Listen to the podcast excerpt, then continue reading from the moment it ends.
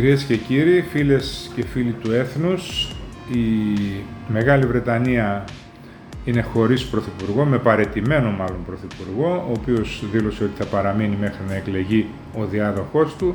Το κόμμα του φαίνεται ότι κάνει σβέλτα και κάτω από την πίεση των εργατικών ανακοίνωσε ήδη ότι θα βγει ο διάδοχος στις 5 Σεπτεμβρίου, σε λιγότερο δηλαδή από δύο μήνες. Ήδη θα γίνει η πρώτη ψηφοφορία για να βγει ο πρώτος υποψήφιος ε, εκτός, ανακοινώθηκε. Θα μιλήσουμε όμως για τα βρετανικά πράγματα για να καταλάβουμε καλύτερα τι γίνεται με τον πρώην Υφυπουργό Δημήτρη Δόλη. Κύριε Δόλη, θα ήθελα να ξεκινήσουμε από το παρετήθηκε ο, ο Μπόρις Τζόνσον. Οδηγήθηκε μάλλον στην παρέτηση επειδή παρετήθηκαν δεκάδες υπουργοί του και βουλευτές του. Ήταν μόνο το ηθικό θέμα, δηλαδή τα πάρτι που είχε κάνει και είχε αποκρύψει σε καιρούς πανδημίας λέγοντας ψέματα κτλ. Ή υπήρχε και ένα άλλο ζήτημα πολιτικό, οικονομικό, κοινωνικό, δηλαδή ζήτημα διακυβέρνησης της Μεγάλης Βρετανίας. Ξεκινήσαμε με τα σκάνδαλα τα οποία δεν είναι λίγα και, πρέπει να θυμόσαστε ότι ο Μπόρις Τζόνσον ανάγκασε σε παρέτηση τον βασικό του συνεργάτη, δηλαδή τον αρχιτέκτονα της νίκης του Brexit και της, νίκης, της εκλογικής νίκης του Τζόνσον, γιατί πήγε να επισκεφτεί τη μητέρα του κατά τη διάρκεια του COVID όταν δεν επιτρεπόταν οι μετακινήσεις. Ο Βρετανικός λαός είναι παράξενος, οι κανόνες είναι για όλους. Επομένως είχες ένα σκάνδαλο πάρτι, δεύτερο σκάνδαλο πάρτι, τρίτο σκάνδαλο πάρτι και σαν αποτέλεσμα μία σειρά από βουλευτών ζητήσανε και τους δόθηκε η άδεια από την ε, Κομματική Επιτροπή να θέσουν πρόταση μορφής. Την κέρδισε ο Τζόνσον.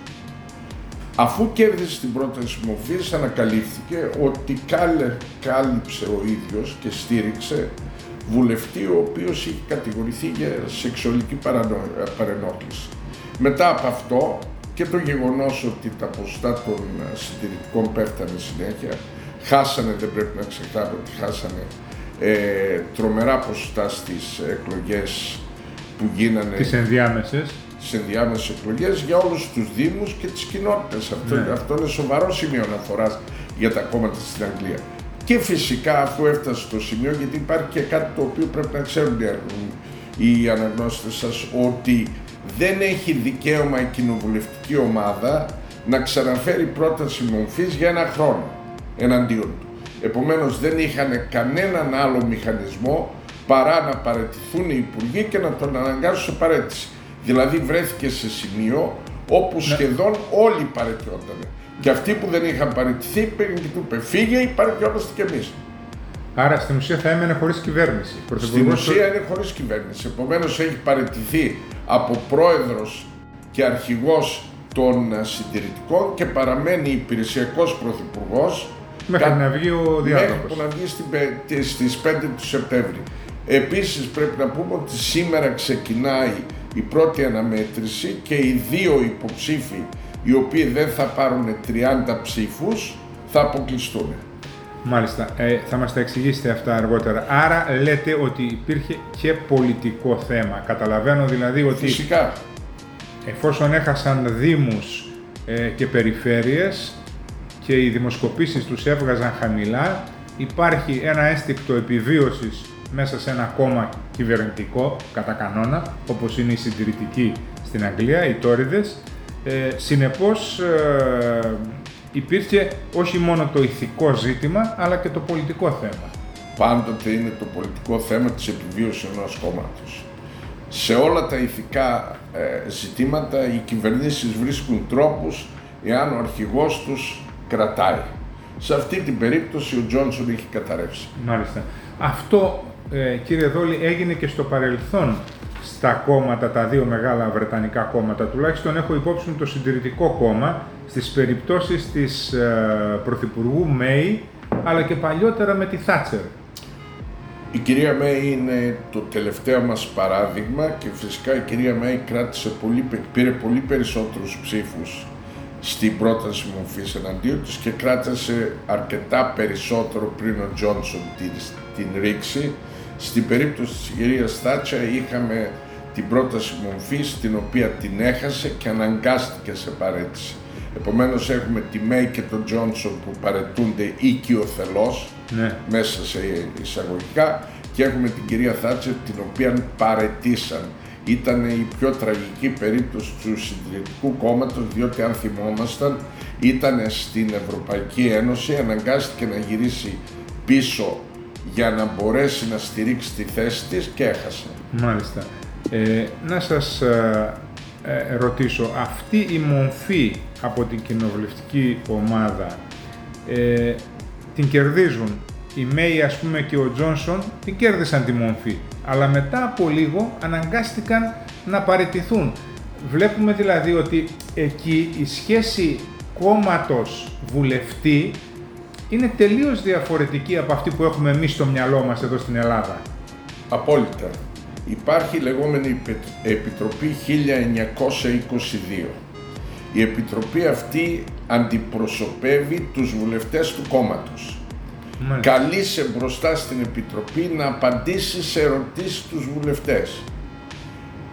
Πάντοτε, επειδή υπήρχαν προβλήματα στο παρελθόν, αλλάξαν τους κανόνες και είπαν ότι θα φέρουμε όποιον αρχηγό θέλετε να βάλετε μορφή εναντίον του, αλλά αν την κερδίσει για ένα χρόνο δεν ξανακάνουμε ε, τέτοιου είδους διαδικασία.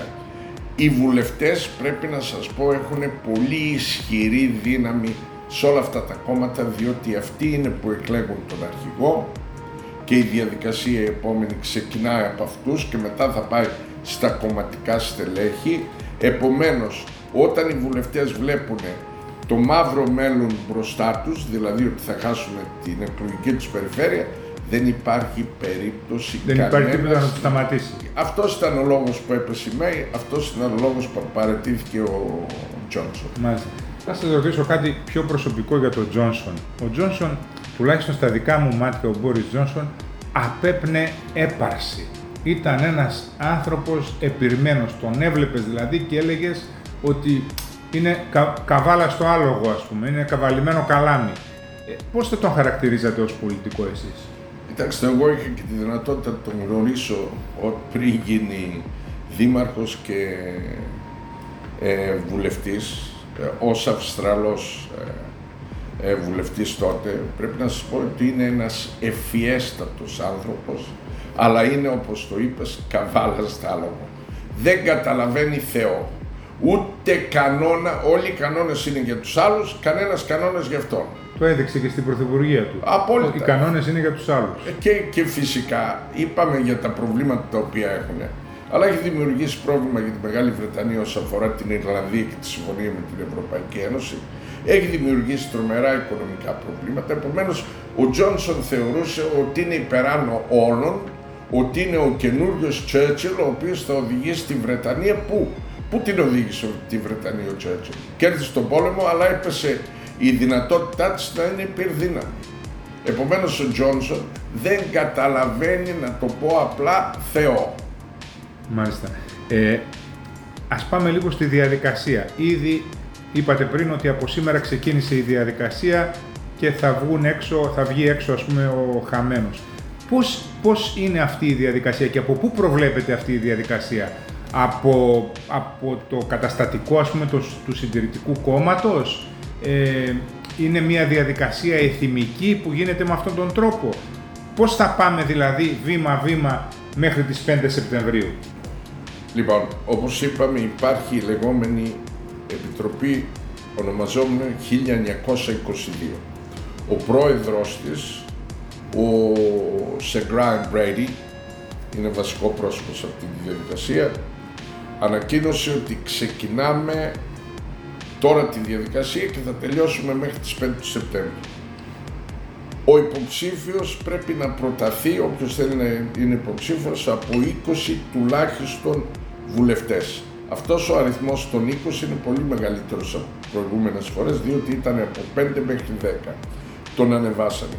Η ψηφοφορία της κοινοβουλευτικής ομάδας αρχίζει και τελειώνει όταν μείνουν οι τελευταίοι δύο υποψήφοι. Δηλαδή, Σήμερα που θα ξεκινήσει, όσοι υποψήφοι δεν λάβουν 30 ψήφους τουλάχιστον από την κοινοβουλευτική ομάδα βγαίνουν. Η επόμενη διαδικασία είναι σε μία μέρα να ξεκινήσει και να βγει ο τελευταίος που έχει τους λιγότερους ψήφους και τις επόμενες δύο-τρεις ημέρες θα απομείνουν δύο άτομα. Και αυτοί οι δύο θα δώσουν μάχη μέχρι τις 5 Σεπτεμβρίου. Όχι, αυτοί οι δύο είναι οι εκλεγμένοι, ή μάλλον τα άτομα που προτείνει και την κοινοβουλευτική ομάδα στο κόμμα ως υποψήφοι. Το επόμενο βήμα είναι μέχρι τις 5 του Σεπτέμβρη όλες οι κομματικές οργανώσεις στη Βρετανία θα ψηφίσουν για έναν από τους δύο. Και ο αρχηγός του κόμματος και επόμενος πρωθυπουργός θα βγει από μια κομματική διαδικασία των μελών σε όλη τη Βρετανία. Άρα, για να το συνοψίσω, η πρώτη επιλογή γίνεται από τους βουλευτές, ας πούμε ότι είναι 8 υποψήφοι, οι 6 θα βγουν απ' έξω από τους βουλευτές. 10 είναι, οι 8 θα βγουν. Α, 10 είναι, οι 8 θα βγουν. Μέχρι τη στιγμή, μπορεί να είναι ένα ή δύο λιγότεροι. Λοιπόν, θα μείνουν λοιπόν οι δύο και οι δύο πλέον, το ποιος θα είναι ο, ο επικεφαλής, θα βγει από τα κομματικά μέλη και μόνο από τα κομματικά μόνο μέλη. από τα κομματικά Εκεί δεν έχει φίλους τέτοια πράγματα. Έρχεσαι, γράφεσαι τελευταία στιγμή και ψηφίζεις, έτσι; Είναι σοβαροί οι Βρετανοί σε αυτά τα πράγματα. Κόμμα σημαίνει κόμμα. Δεν σημαίνει μπαίνεις, βγαίνεις ή είσαι ή δεν είσαι. Ψηφίζει μόνο το μέλος του κόμματος ναι. και όσοι είναι καταγεγραμμένοι ως μέλη του κόμματος. Κανένας άλλος. Μάλιστα. Ε, έχει ενδιαφέρον αυτό. Τώρα λοιπόν, από τους διαδόχους, από αυτούς που ήδη είναι γνωστοί, ε, μπορούμε να πούμε ότι υπάρχει κάποιος που υπερέχει ή υπάρχει κάποιο φαβορή, ας το πούμε έτσι. Κοιτάξτε να δείτε. Λένε ας πούμε για αυτόν τον πρώην Υπουργό Οικονομικών. Ε, λένε αρκετά ονόματα ας πούμε. Ε, υπάρχουν και οι στοιχηματζίδες που είναι κυρίως άγγελοι λόγω του ποδοσφαίρου που παίζουν και στοιχήματα. Κοιτάξτε να δείτε, αυτή τη στιγμή κανένας δεν μπορεί να σου πει ότι υπάρχει φαβορή. Υπάρχουν, όπως είπες πολύ σωστά στη Βρετανία, το τρελό σύστημα των στοιχημάτων. Στο τρελό σύστημα των στοιχημάτων, ο πρώην ε, Υπουργός Οικονομικών, όχι ο σημερινός, ο οποίος είναι επίσης υποψήφιος, πρέπει να πούμε και το εξής εδώ. Για πρώτη φορά στην ιστορία της Μεγάλης Βρετανίας, αυτή της αυτοκρατορίας, ε, μεγάλη πλειοψηφία των υποψηφίων ή είναι Ινδικής καταγωγής ή μη αγγλοσαξονικής καταγωγής. Δηλαδή έχουμε ένα πρότυπο το οποίο δεν έχουμε ξαναδεί. Δηλαδή σε λίγο έχουμε δήμαρχο. Ε, Πακιστανό. Και πιθανόν να έχουμε Ινδο, Ινδικής καταγωγής πρωθυπουργό της Αγγλίας. Κάτι πρωτάκουστο. Επομένως, πολύ σωστά λες ότι ε, ο πρώην Υπουργός Οικονομικών είναι στα στοιχήματα ο πρώτος Επίσης, μία πρώην υπουργός ε, είναι μαζί του, ακολουθούν η υπουργός Εξωτερικών, η κυρία Τραστ, παρεπιπτόντως η κυρία Τραστ φαίνεται να είναι η αγαπημένη των οπαδών του ε, Μπόρις Τζόνσον. Διότι παίζεται και ένα μεγάλο παιχνίδι εξουσίας εκεί πέρα. Είναι πολλές οι θέσεις. Και φυσικά ε, ένας ακόμα πρώην υπουργός. Αυτό θα το ξέρουμε σε δύο-τρεις μέρες, διότι. Ε, Τότε θα ξέρουμε ποιοι θα μείνουν οι δύο, ε. Όχι μόνο ποιοι θα μείνουν οι δύο, θα δούμε πώς πηγαίνουν οι ψηφοφορίες. Κοίτα, σήμερα είναι 13. Είναι ο πρώτος γύρος. Στις 14 οι απομείνοντες θα. με λίγους ψήφους αποφορούν. Μεταξύ 18 και 21 σε συνεχές ε, ψηφοφορίες θα βγουν οι δύο μεταξύ 18 και 21 θα ξέρουμε λίγο πολύ. Και Ιούλιο-Αύγουστο, για να είμαστε συγκεκριμένοι, είναι η συνεχής ψηφοφορία των κομματικών οργανώσεων, να το πούμε. Ναι, δηλαδή από τις 21 Ιουλίου και μετά μέχρι τις αρχές Σεπτεμβρίου θα ψηφίσουν οι κομματικές οργανώσεις και θα βγει το αποτέλεσμα.